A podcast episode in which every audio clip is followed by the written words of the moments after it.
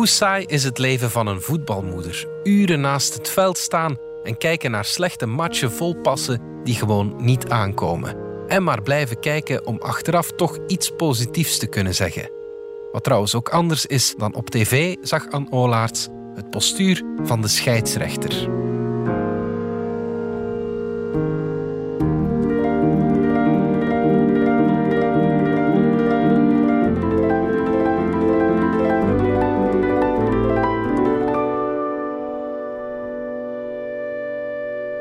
Punky heeft het slecht getroffen. Hij houdt van voetbal. Mij interesseert het niet. Ongeschikt mens ben ik. Je moet ons in de auto zien zitten, drie keer per week, onderweg naar de groene tapiplein. Een knieval is het, de zoveelste vermomming van liefde. Sta ik aan dat veld met een plaksnor van betrokkenheid. Heel soms hou ik het drie kwartier vol. Zo traag dat ze zijn. Ik kijk nooit naar voetbal op tv, maar ik zie toch het verschil. Het gaat niet vooruit. De meeste passen komen nergens aan. En soms is het 17-2.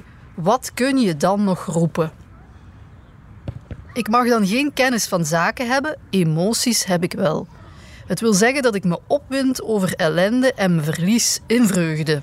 Ook zonder bijpassend jargon. FC Schorremorrie, god mijn jaar. Kom aan, waar is de goal? Daar is de goal. Wat is met dat nu? Met de voeten vooruit of wat? En dat met die stekelschoenen. Hoera! Hoera! Hoe? Oeh, die penalties stellen niet mee. De penalties op het einde van de match zijn pro forma, zo blijkt. Zo doen ze dat bij de U8. Iedere ploeg mag vijf keer trappen. Niemand vertelt mij ook ooit wat. Gelukkig is er een vader die me af en toe wat diets maakt. Ik heb een vriend op het voetbal. Het is deklat, zei hij, niet daklat. En daarna durfde ik hem ook schoorvoeten te vragen wat kappen wil zeggen. En of de man met de dikke buik in het gele bloesje echt de scheidsrechter was. Ja, antwoordde hij. Weer iets dat anders is dan op tv. Het postuur van de ref.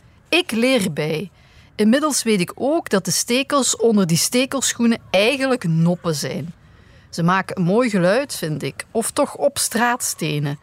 Je moet Punky zien lopen op die Nike Superfly, weet ik veel wat.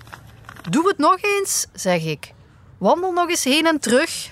Klik, klak, klik, klak, klik, klak op die dunne beentjes. Dan geniet ik. Punky heeft pech met zijn supporter. Zij heeft geen verstand van de essentie. Panna! riep Punky een keer. Mijn eerste reactie was: Tja, panna. Is dat geen Italiaans merk van kant-en-klare bechamel? Dat moet waarschijnlijk panda zijn. Ik heb Punky onmiddellijk verbeterd. Taal is tenslotte helemaal mijn ding. Sindsdien roept Punky panda. Nochtans is het echt panna, zonder D. Het is Surinaams voor poortje. Een panna is een beweging waarbij je de bal door de benen van de tegenspeler schopt. Honderd keer heb ik intussen al gezegd dat het panna is.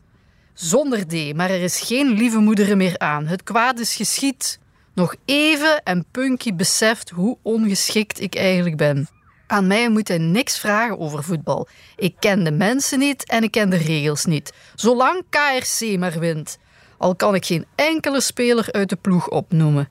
Erger nog, toen Genk een nieuwe sponsor kreeg, was ik bijzonder verwonderd over het aantal Bruno's in de groep. Gelukkig voor Punky heb ik het stilgehouden. En gelukkig voor Punky hou ik wel van muurtje trap. Wij gaan geregeld naar het park om ballen te knallen. Ik ben Courtois en jij bent Gornaldo, zegt Punky dan. Gornaldo? Misschien dat het toch al een manier is om te zeggen: ongeschikt mens ben jij.